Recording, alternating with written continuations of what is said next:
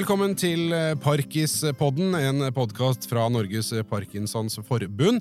Jeg heter Nils Johan Halvorsen, og i denne omgang så snakker vi om forskning på Parkinsons sykdom. Forskning som skal eh, forhåpentligvis svare på hva denne sykdommen kommer av, og også nye og bedre måter å behandle sykdommen på.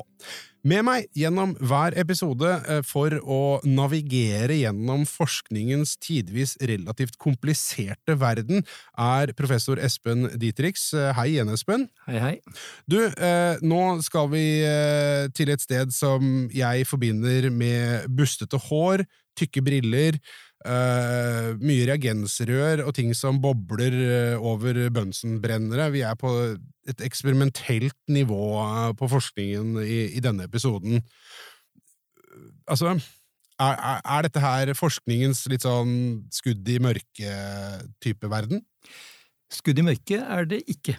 Uh, og enten forskerne har bustete hår og tykke briller eller ikke, så er dette grunnforskning som prøver å kartlegge hvordan, i dette tilfellet, hjernen og hjernecellene fungerer, og eventuelt også hva som kan gå feil uh, ved sykdom. Og nettopp det å, å studere hjernen, den normale hjernen, og, og vite vite hvordan den normale hjernen fungerer, det er helt sentralt både for å forstå sykdom og for å kunne behandle sykdom. Det er ikke all kunnskapen som nødvendigvis fører til en behandling innen kort tid, men den generelle kunnskapen er helt nødvendig for uh, videre utvikling av et slikt fag. Mm. Når det kommer til uh, en sykdom da som Parkinsons sykdom, som ligger i hjernen, det byr jo på noen egne utfordringer. Eh, fordi hjernen kan du ikke på en måte plukke ut en bit av og se hvordan det står til, som man kan gjøre med eksempel levra eller noe sånt. Her er det, det er noen egne utfordringer. Absolutt. Eh, hjernen, for det første, så ligger den jo veldig godt beskyttet i et eh, lukket rom under hjerneskallen, og eh, det er som du sier, vi kan ikke ta ut en bit av en levende menneskehjerne og se hvordan eh, det står til. Eh, I hvert fall ikke i vanlige situasjoner, og vi kan definitivt ikke plukke ut biter av for eksempel den delen av hjernen som er rammet ved Parkinsons sykdom. Nei. Og i tillegg, da, for å gjøre, liksom, det, gjøre det, ekstra vanskelig, så tror jeg i hvert fall, da, så, så har jeg forstått det sånn at, uh, at uh, dyr funker dårlig, egentlig. Fordi dyr får ikke parkinson. Nei, eh, mennesket er de eneste som får Parkinsons sykdom, hvor eh, disse helt spesielle hjernecellene i den svarte substans i hjernestammen, og som lager eh, signalstoffet dopamin, hvor de langsomt forsvinner og ingen dyr har en tilsvarende sykdom. Vi har noen eh, såkalte eksperimentelle modeller hvor vi kan påføre dyr for eksempel forgiftninger som skader de samme cellene, men allikevel, det blir jo en skade etter forgiftning og en helt annen tilstand enn en eh, spontant opptredende Parkinsons sykdom, sånn at vi har ingen dyr med parkinson, og vi har ingen dyremodeller som nøyaktig etterligner den sykdommen vi ønsker å studere. Nei. Eh, og da skal vi jo til et sted eh, hvor man allikevel har klart å finne noen celler da, som ligner. Altså, Så langt det lar seg gjøre, er det sånn å forstå når vi begynner å snakke om sebrafisken, som vi skal gjøre nå etter hvert? Ja, vi skal uh, snakke om primitive dyr. For det er ganske spennende at selv ganske primitive dyr har hjerneceller som ligner på de hjernecellene vi har, og selv primitive dyr kan ha dopaminproduserende celler, sånn som eh, alle mennesker har, og disse cellene som da kan bli syke ved Parkinsons sykdom. Og det letteste det er jo da selvfølgelig å studere slike celler hos dyr som ikke har en tykk hodeskalle, og kanskje dyr som eh, utvikler seg mye raskere, og som har en mye kortere livsspenn, sånn at man kan følge disse cellene over tid. Og nettopp for å se på dette, så har vi jo i denne Parkinspodden trukket frem to norske miljøer. Et som ser på slike hjerneceller hos sebrafisk, og et som ser hos eh, rundormer, som er eh, bitte små, kanskje en millimeter lange, eh, primitive såkalte nematoder, som også har hjerneceller av samme type. Mm. Vi begynner i Bergen, eh, hos Kari Fladmark, som eh, forsker på sebrafisken. Vi bruker sebrafisk som modell og, og, grunnen den er jo at vi er fascinerende like da, som vi mennesker som sebrafisken. Uh, og nervesystemet, der finner vi mange likheter. Og det som kanskje er spesielt interessant uh, for oss her, det er at de cellene som blir angrepet i Parkinson-pasienter, de finner vi igjen i fisken allerede etter to dager. Så i to dager gamle fiskelarver så finner vi disse cellene. Og det gir oss mulighet til å, å studere hva som skjer, hvorfor disse cellene er spesielt utsatte, og hvordan vi kan beskytte dem innen et, innen et veldig kort tidsforløp. Da. Men uh, dette her må du forklare litt nærmere for uh, en vanlig domerian som meg. Fordi jeg hørte nettopp at uh, det var noen som sa at Eh, dyr ikke får parkinson. Hvordan kan man da bruke sebrafisk som en modell? Fordi vi ser hva som, hva som gjør for å stresse disse cellene, og som gjør at cellene dør. Og i våre modeller så kan vi faktisk også se at uh, svømmebevegelsene endrer seg over tid. Så vi kan monitorere faktisk bevegelse også. Men hva om Altså, her, her må du korrigere meg hvis jeg tar, tar feil, altså, men hva forteller den, denne forskningen oss? Hva kan det hjelpe oss med å komme noen skritt nærmere det jeg skjønner at alle som forsker på parkinson er ute etter? Hva er årsaken? Hvorfor kommer, dukker parkinson opp? Det man vel er enige om, alle de som prøver å forstå det, det er at det er ekstremt komplekst. sant? Og at det kanskje ikke er bare én vei, det er kanskje ikke bare ett svar, men det er mange svar. Og så har man kanskje testet ut ting som, som man kanskje ser har en, en, en, viss virkning, men man vet fascinerende lite om hva er det som gir denne virkningen. Så jeg tror før man på en måte virkelig kjenner detaljene, da, noe som ingen gjør, hva som egentlig skjer i cellene, så, kan man kanskje ikke utvikle gode nok og spesifikke behandlinger. Da. Så det som vi jobber med, er jo ren grunnforskning. Jeg kan ikke si at det nødvendigvis finner, det har en direkte relevans.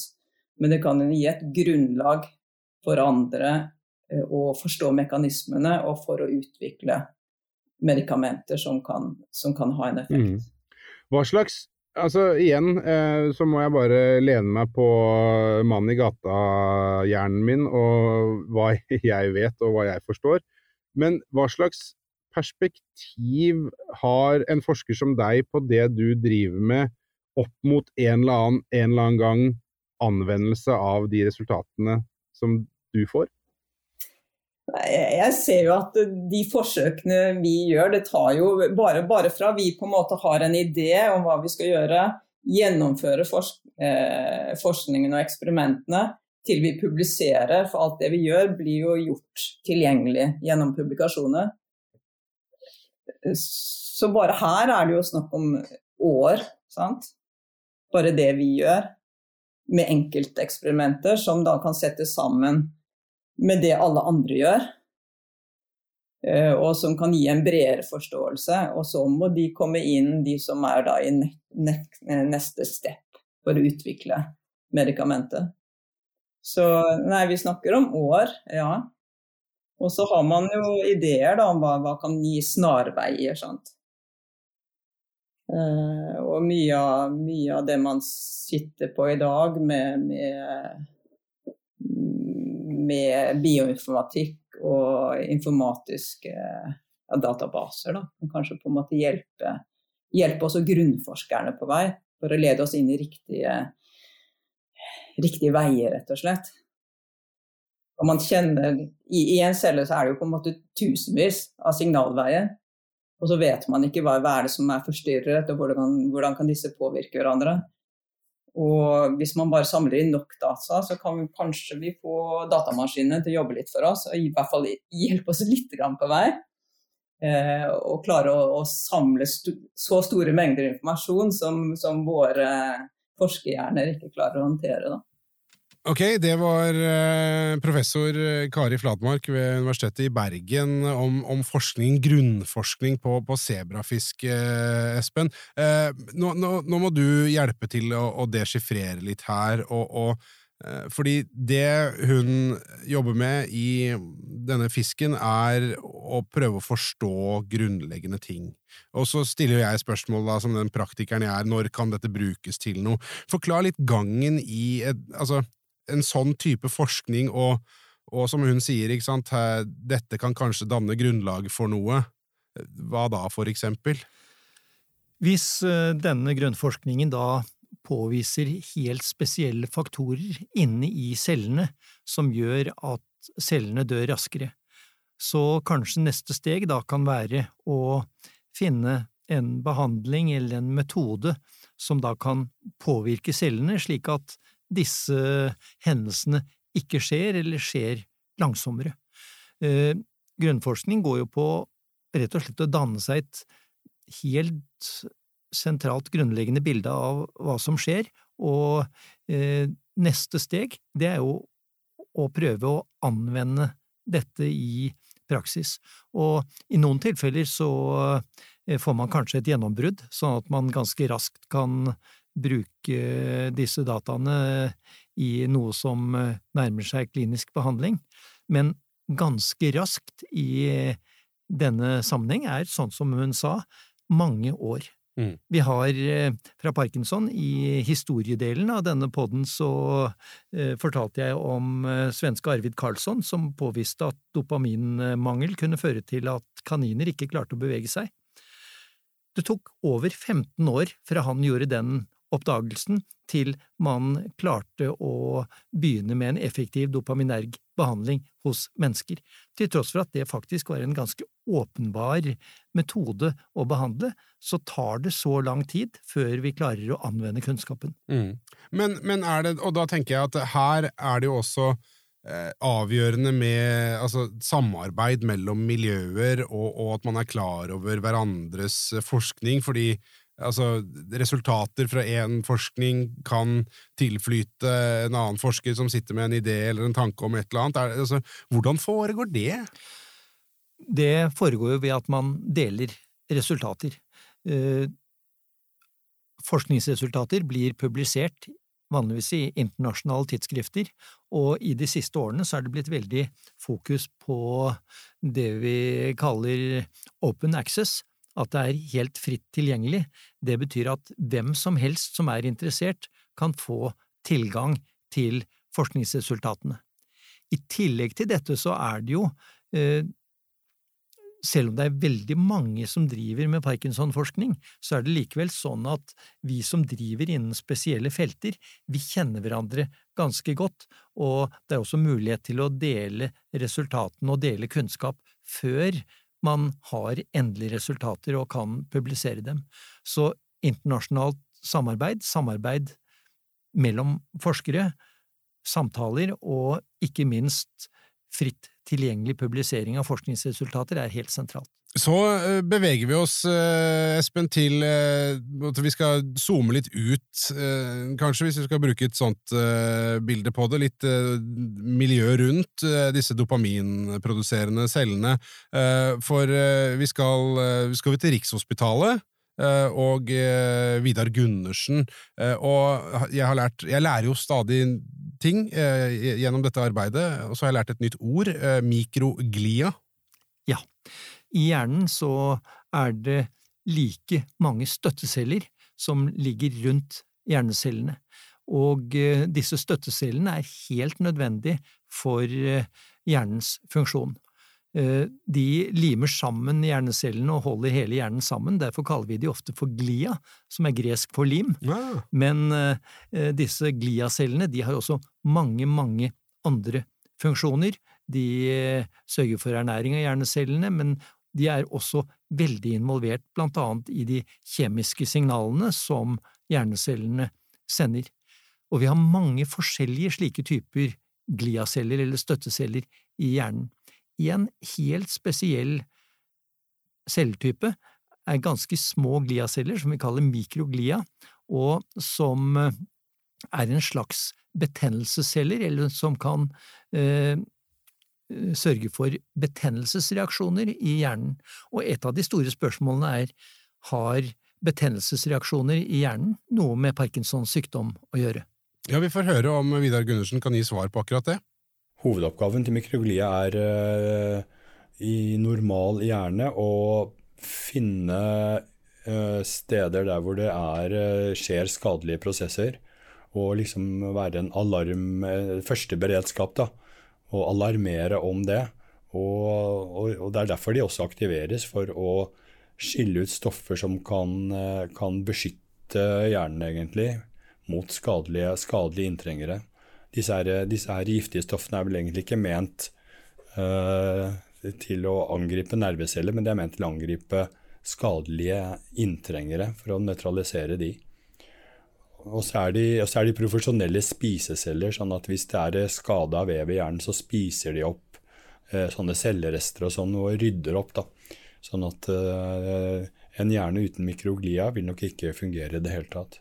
Vi har sett at mikroglia endrer seg, eh, endrer seg, endrer funksjonen sin. Mikroglia normalt de er, det er en, eh, en, celle som patruljerer hjernen etter og prøver å finne noe som er eh, ødelagt eller skadelig. Hvis den finner det, så aktiveres den, og så blir det mange av dem, og så prøver den å rydde opp. da. og i denne patruljeringen så, så toucher den borti nerveceller på veien for å, om, for å se om nervecellene er friske.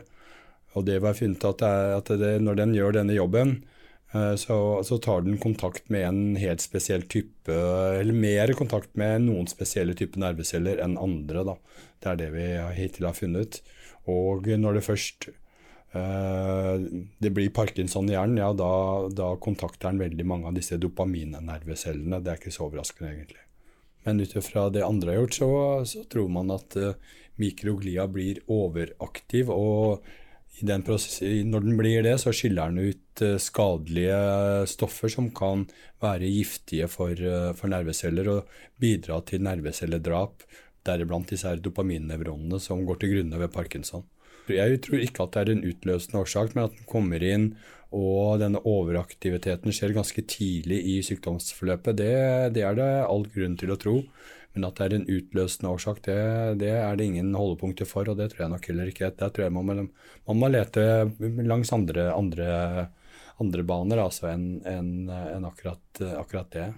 Disse mikrogliene de, de, skiller ut en rekke sånne betennelsesstoffer som kan gjenfinnes i bl.a. Uh, spinalvæske. da. Sånn at man kan bruke det eh, som en markør for, ti, for tidlig parkinson, kanskje. Um, problemet her er at det er ikke bare ved parkinson at mikroglia overaktiveres. Den overaktiveres ved, en, ved andre sånne nevrodegenerative hjernesykdommer også. Sånn det er litt vanskelig å si, finne, finne, noe som er helt spesifikt for parkinson. da som gjør at man kan si at uh, pasienter som kanskje ikke har så innmari mye symptomer ennå, uh, utvikler den ene eller andre sykdommen. Men, men, men, men, det, det, dette er funnet i spinalvæske til pasienter som også har sånne prodromale former for Parkinson, Parkinson sånn, altså rem, rem-søvn, atferdsforstyrrelse osv. Som, som sannsynligvis vil utvikle Parkinson etter hvert. De har også disse her betennelsesstoffene i spinalvæsken sin. Førstelinjeforskninga nå går uh, i, i, større og større grad ut på å finne ut uh, om uh, Finne ut metoder da, for, eller finne ut, finne ut, hvordan man kan angripe mikroglia på ulike måter for å dempe den overaktiviteten tidlig i sykdomsforløpet. Dette er forskning som foregår rundt omkring i hele verden. Problemet er at vi mangler litt ordentlige dyremodeller for Parkinsons sykdom. Alle dyremodellene vi har er ganske kunstige. Og og det er jo sånn at uh, det er ingen uh, dyrearter som utvikler parkinson spontant. Da. Sånn at det å studere en parkinson-utvikling i et sånt forsøksdyr, det er noe helt, sannsynligvis noe helt annet. Andre mekanismer som, som uh, spiller rolle for, for nervecelledøden av disse dopaminnervecellene enn i, enn i disse dyremodellene. Sånn at det, det det har vært masse resultater i dyremodeller som virker veldig veldig lovende, og som kan uh, dempe overaktivitet i mikroglia og dempe utvikling av nervecelledød i, i disse Parkinson-dyremodellene. Men når de blir testa ut på mennesker, ja, så, så, funker det ikke, altså. Så det er, der, det er der utfordringen ligger nå, å finne gode nok modeller og eventuelt gjøre Eventuelt om man kan klare å finne, finne, markører i mennesker, sånn at man kan gjøre en del av disse forsøkene i mennesker også. Litt eh, jeg holdt på å si, berettiget frustrasjon eh, på tampen der fra, fra Vidar eh, Gundersen.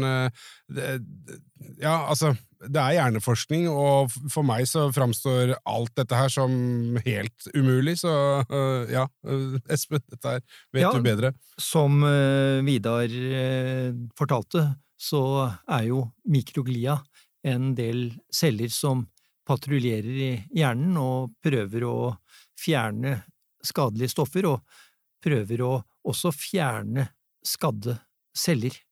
Og som han sa, så er det vel ikke noen grunn til å tro at det er mikroglia som er selve årsaken til Parkinsons sykdom.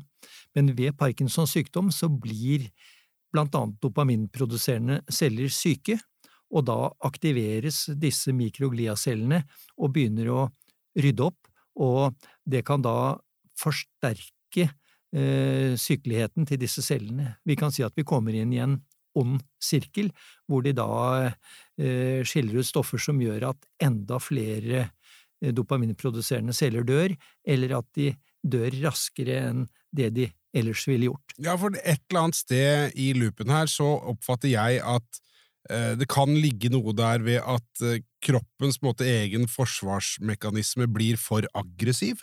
Ja, og det er jo kjent fra mange forskjellige andre sykdomstyper, som vi ofte kaller autonome sykdommer. Nå tror vi vel ikke at uh, Autoimmune sykdommer, mener jeg. Uh, nå tror vi vel ikke at Parkinson i seg selv er en autoimmun sykdom, men det kan jo allikevel være slike autoimmune mekanismer, hvor altså kroppens egne celler, slik som mikroglia, da er med på å forsterke den uheldige reaksjonen og forsterker sykdommen. Og neste steg er jo da om vi klarer å finne midler som eventuelt kan bremse denne uønskede store celleaktiviteten, bremse mikroglia og dermed forsinke celledød ved Parkinsons sykdom. Mm. Jeg vil anta at det et eller annet sted er noen som forsker på akkurat det. Dette har det vært forsket på i mange, mange år, og man har også forsøkt uh, forskjellige uh, betennelsesdempende midler som dessverre, som Vidar sa, hos mennesker foreløpig ikke har gitt noen uh, sikker suksess. Men i en del dyreforsøk så tyder det på at betennelsesdempende midler kan ha noe for seg. Men vi leter fortsatt. Mm. Vi, vi, leter fortsatt. Jeg, jeg, føler at det nok kommer til å bli eh, konklusjonen i mange, mange, episoder her, dessverre, Espen. Men eh, for denne gang eh, så skal vi sette strek, eh, og så høres vi i eh, neste episode av Parkispodden.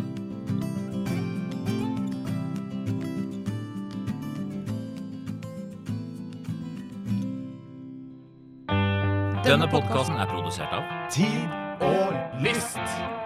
For Norges Parkinsonforbund med støtte fra stiftelsen DAM.